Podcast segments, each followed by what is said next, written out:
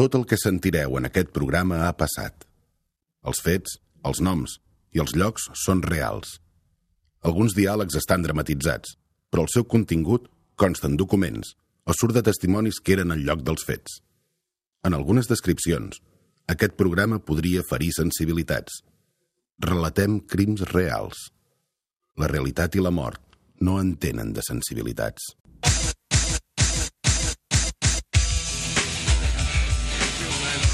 És dimarts, 5 d'octubre del 2004. Els serveis d'emergències reben una trucada quan passa tan sols un minut de les 10 del matí. Un veí alerta que veu fum en un dels pisos del bloc on viu. Els bombers triguen poc més de 5 minuts a entrar a l'habitatge i apaguen el foc sense gaires dificultats. Pocs s'imaginen què trobaran al darrere d'aquelles flames.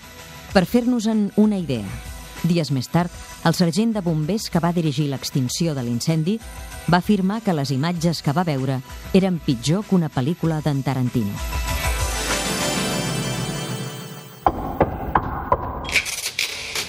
Bona nit, sóc Carles Porta. Gràcies per escoltar-nos.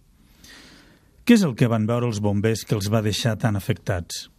Com si es tractés d'una pel·lícula del Quentin Tarantino.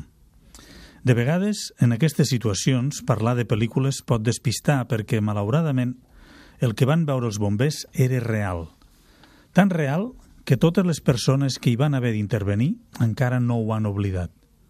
A més d'un, li va passar pel cap que aquell doble crim era obra del mal absolut.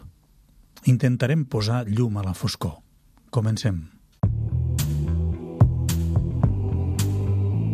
If you are the dealer, the game. If you are the healer, means I'm broken and lame. If thine is the glory, then mine must be the shame. You want it darker. We kill the flame. Crims. Per què matem? Vilified, crucified in the human frame. A million candles burning for the help that never came. You want it darker.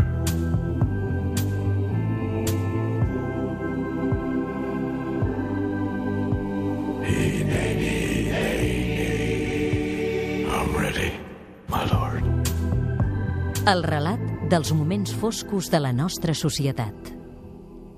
Crims. Amb Carles Porta. Octubre del 2004, ara fa 15 anys.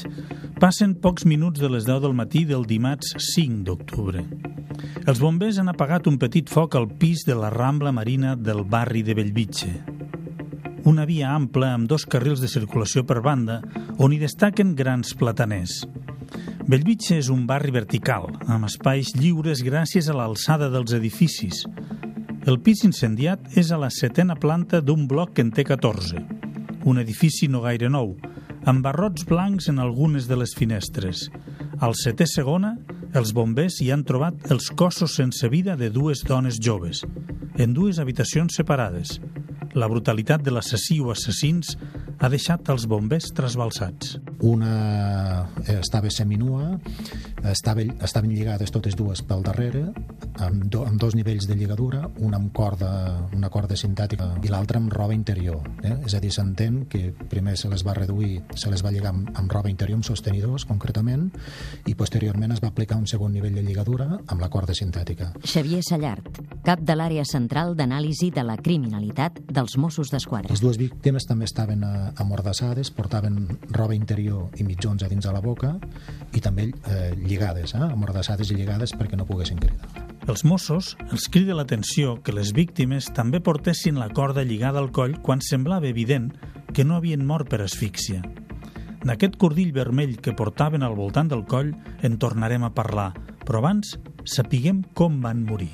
El nom tècnic és un, un xoc hipopolèmic que és per eh, el, una hemorràgia. És una hemorràgia provocada per, per diverses agressions amb arma blanca. Una víctima en concret en va patir 10 eh, el, totes amb zones vitals, al lateral esquerre del tòrax. Eh, quatre d'aquestes eh, va ser amb arma blanca, amb, amb un ganivet. Quatre d'aquestes eh, punxades van afectar el cor, cor i pulmons. Eh? És a dir, que la, la mort és eh, pràcticament immediata, eh? en pocs segons. I la segona, el tipus de, de l'abordatge de l'agressió va ser diferent.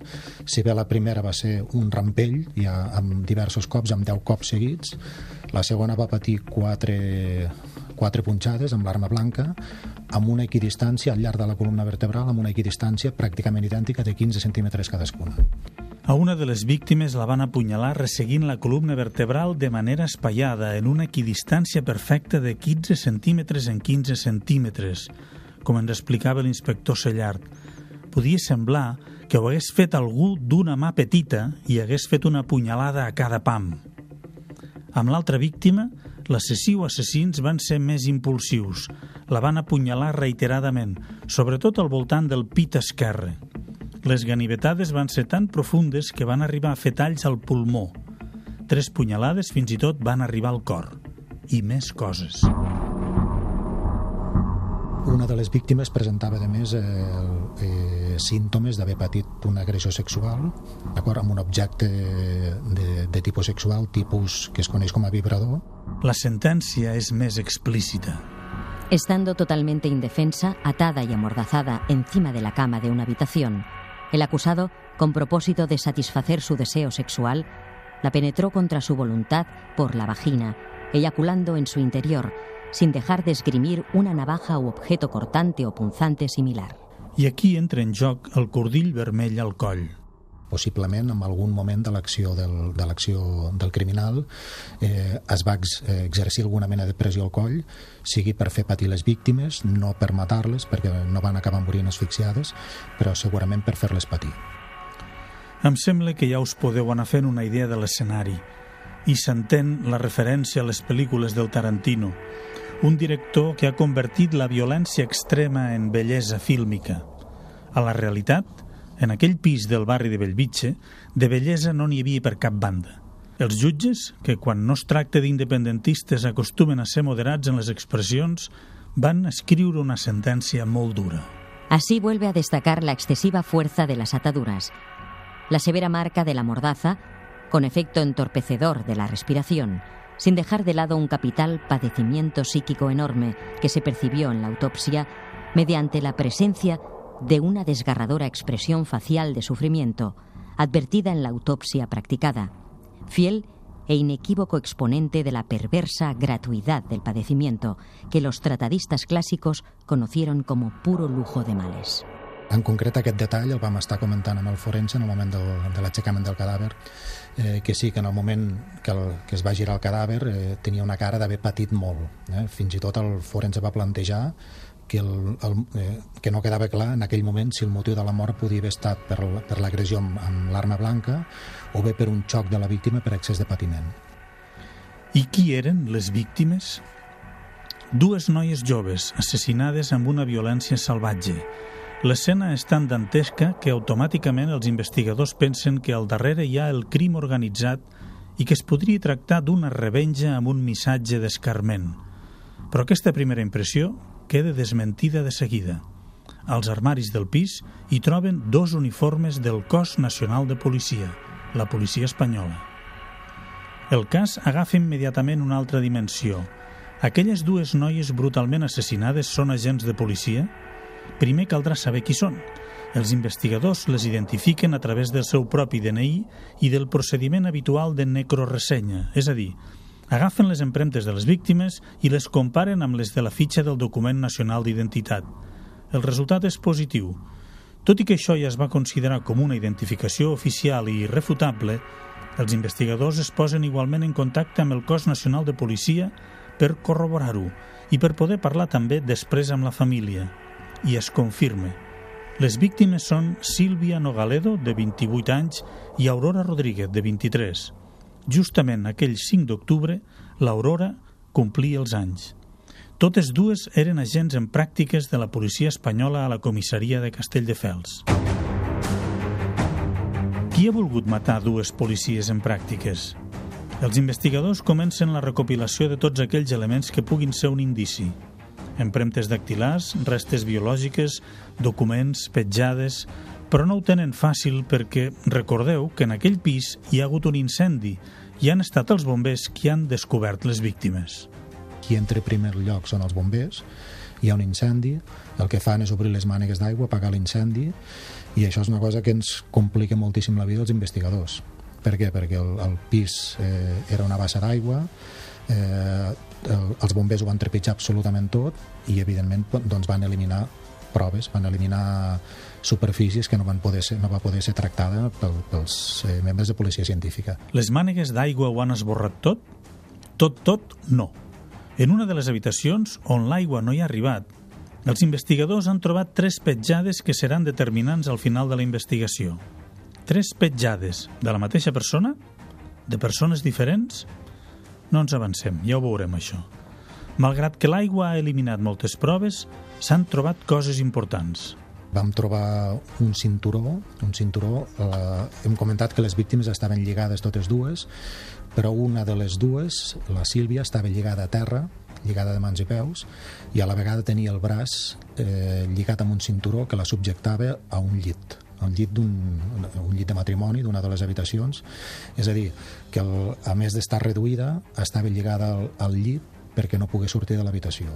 Aquest també és un element que ens fa pensar que les va mantenir vives durant una bona estona. El cinturó és sintètic, de color blanc, i la civella és d'aquelles amb una superfície metàl·lica que es tanca amb pressió. Els investigadors pensen que potser l'assassí no ha tingut la precaució de no deixar empremtes i ha pressionat amb els dits la superfície metàl·lica per tancar la civella. I envien el cinturó a analitzar. S'hi trobaran empremtes? Ja ho veurem. De moment tenim tres petjades i un cinturó.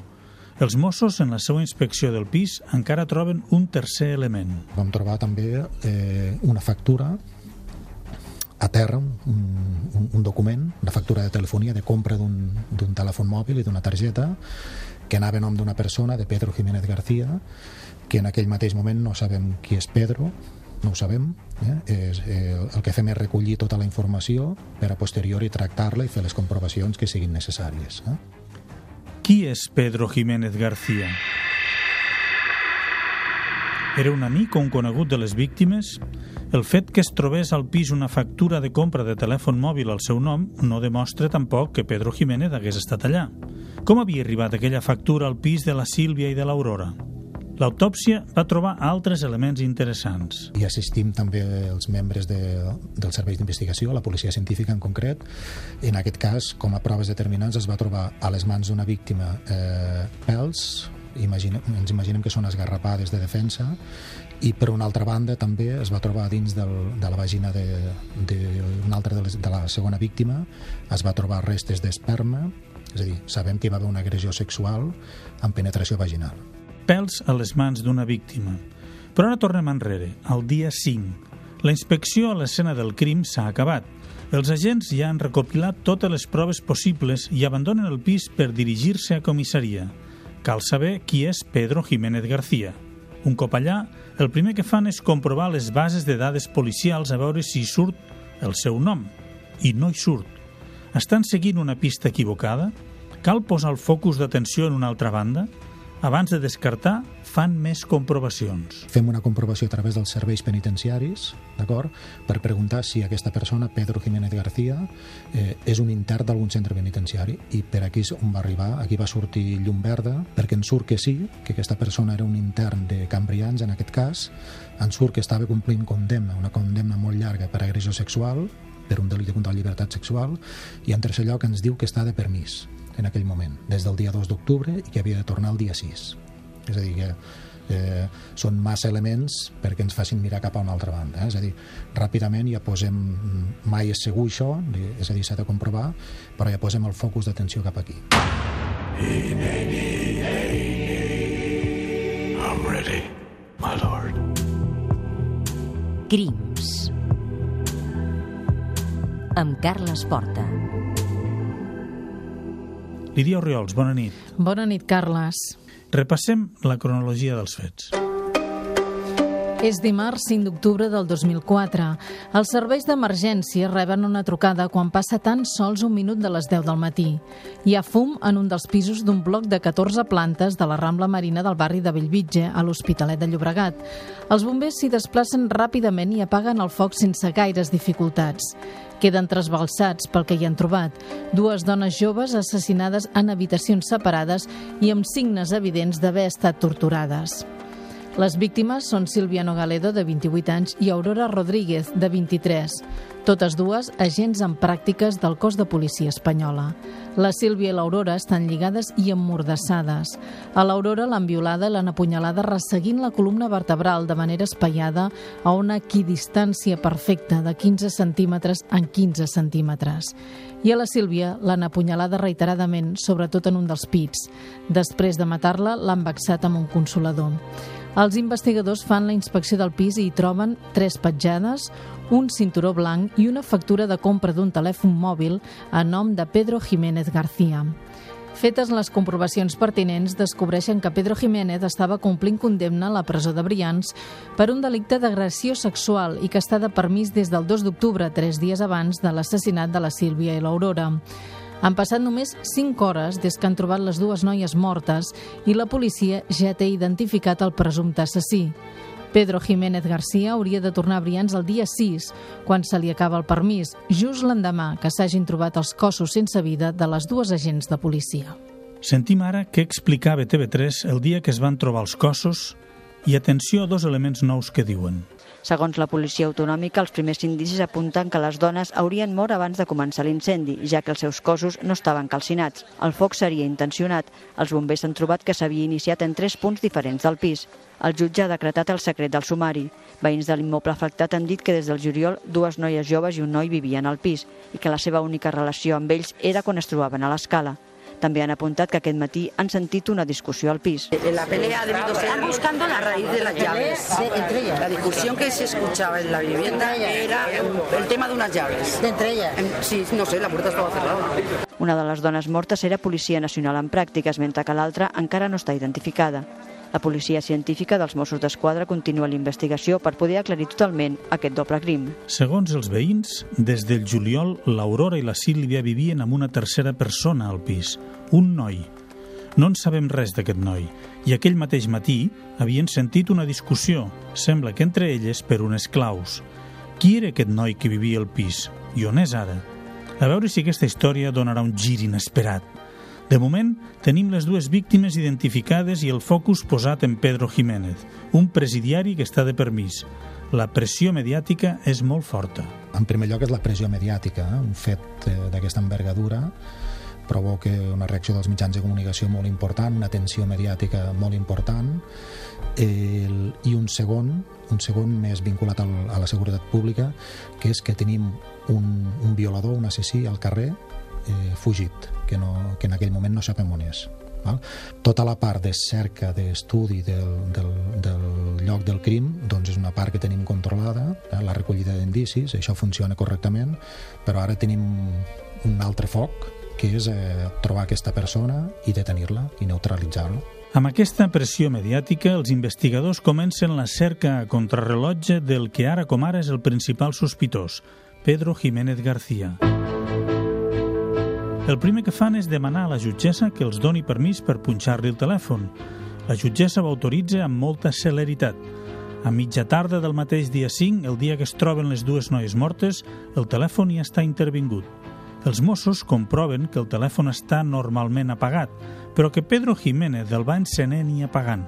Entre les trucades que intercepten n'hi ha una a Can Travi, a la Vall d'Hebron, un lloc on van diversos interns que surten de la presó i no tenen un lloc per anar a dormir. La trucada deuria anar més o menys així. Cantravi, digui'm. Hola, me llamo Pedro Jiménez García y había quedado en venir a dormir a Cantravi. Pero hombre, ya tendrías que estar aquí. La hora de llegada era a las 8. Sí, sí, lo siento, me he retrasado. ¿Vendrás a cenar? Sí, sí, sí, vendré a cenar. Bien, pues te esperamos. Hasta ahora. Hasta ahora, gracias.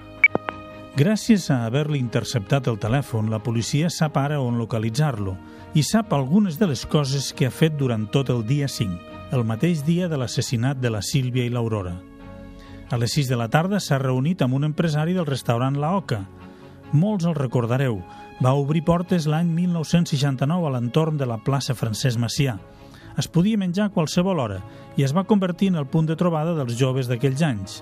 El van tancar definitivament el 2007, però aquell octubre del 2004 el Pedro Jiménez va passar per allà a buscar feina. Va anar a buscar feina perquè estava a punt d'acabar la condemna i en aquests casos, des de serveis penitenciaris, se li havia buscat aquesta cita de treball. No oblidem que una de les funcions bàsiques dels serveis penitenciaris és la reinserció dels presos. Doncs bé, aquell dimarts 5 d'octubre, després de reunir-se amb l'empresari de la OCA, el Pedro Jiménez va veure al capellà de la Model i xerren una estona.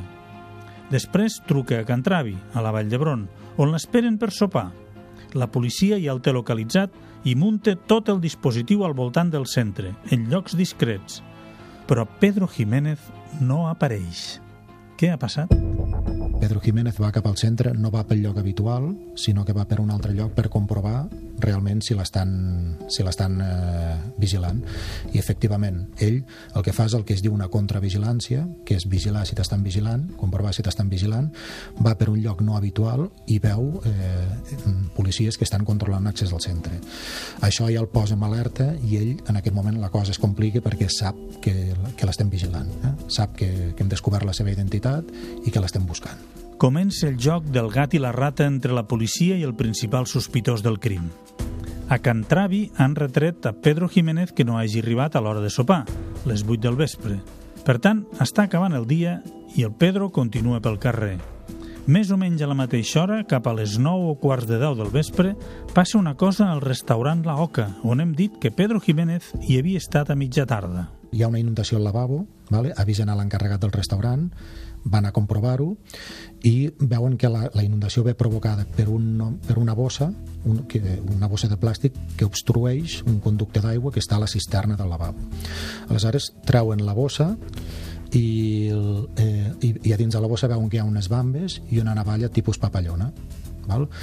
Primer el que volia fer era llançar-ho, l'encarregat, però després eh, bueno, es va pensar que podia tenir veure amb alguna cosa, amb algun fet delictiu, i ho dona a la Policia Nacional a Barcelona. La Policia Nacional de Barcelona, que està al corrent del que està passant, fa arribar la troballa als Mossos d'Esquadra i s'envien les bambes i la navalla a analitzar. Hem dit que al pis s'havien trobat tres petjades, tres petjades que són de sang, malgrat estar ennegrides per l'efecte de la cendra i del fum. I hem dit també que aquestes petjades seran determinants per a la investigació. Però ja hi arribarem.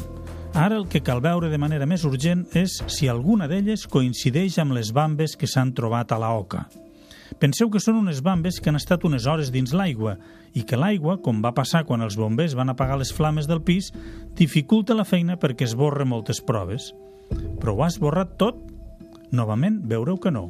Malgrat haver estat unes hores a dins de l'aigua, en una de les bambes es troba restes de sang vale? unes restes minúscules, però amb suficient quantitat com per fer l'extracció del perfil genètic, val?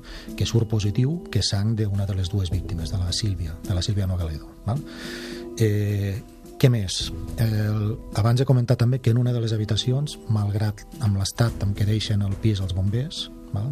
És a dir, tot modificat, eh, tot envasat d'aigua, hi ha una habitació que no han arribat a mullar i en aquesta habitació hi ha tres petjades. Són petjades de sang.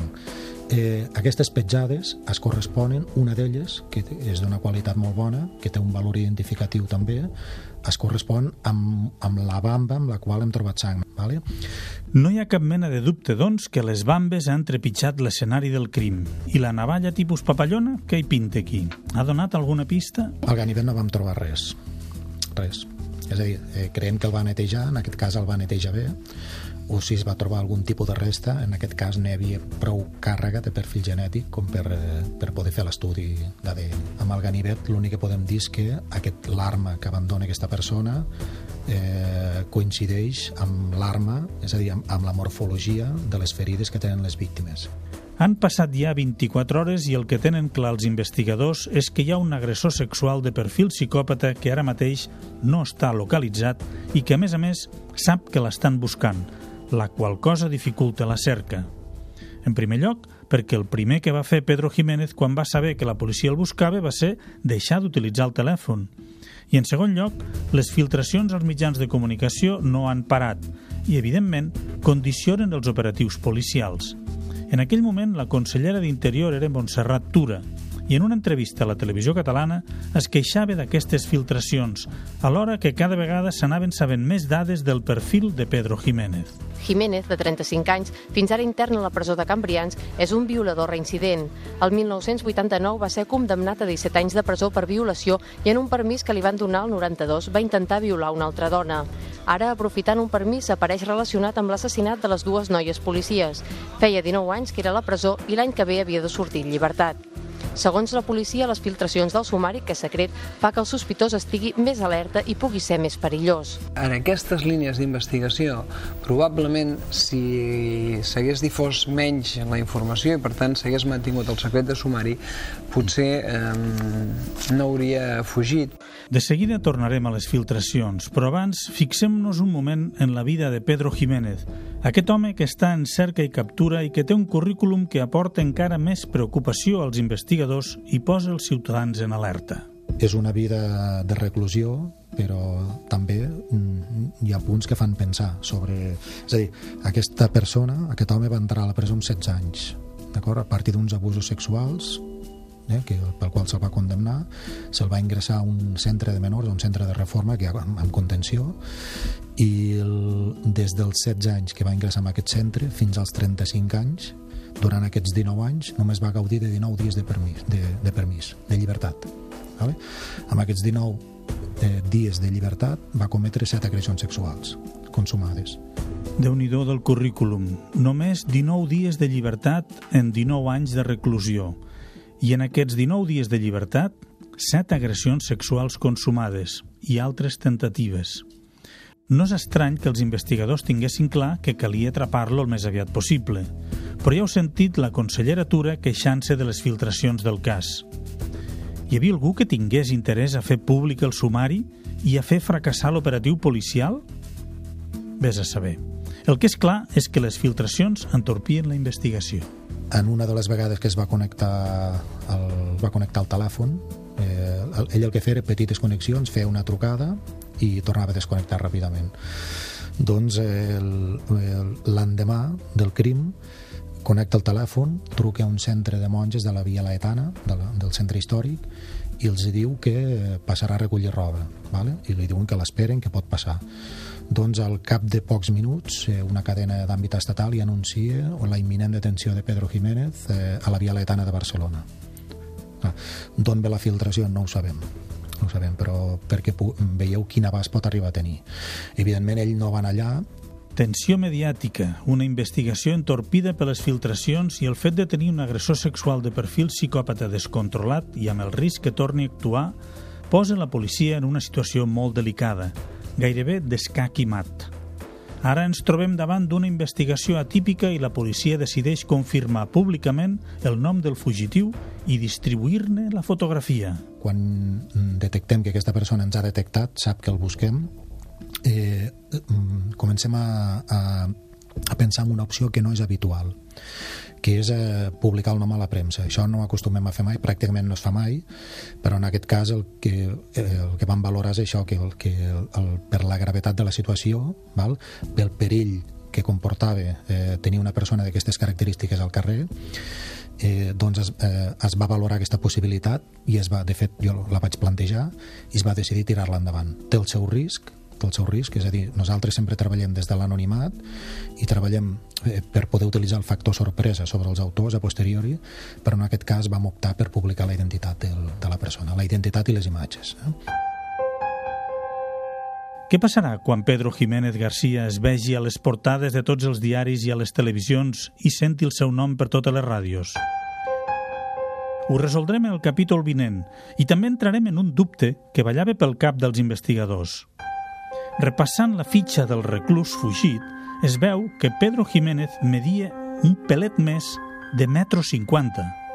Com és possible que un home de metro cinquanta cometés aquell crim contra dues policies entrenades en defensa personal? La resposta fa por. Tornem tan aviat com puguem.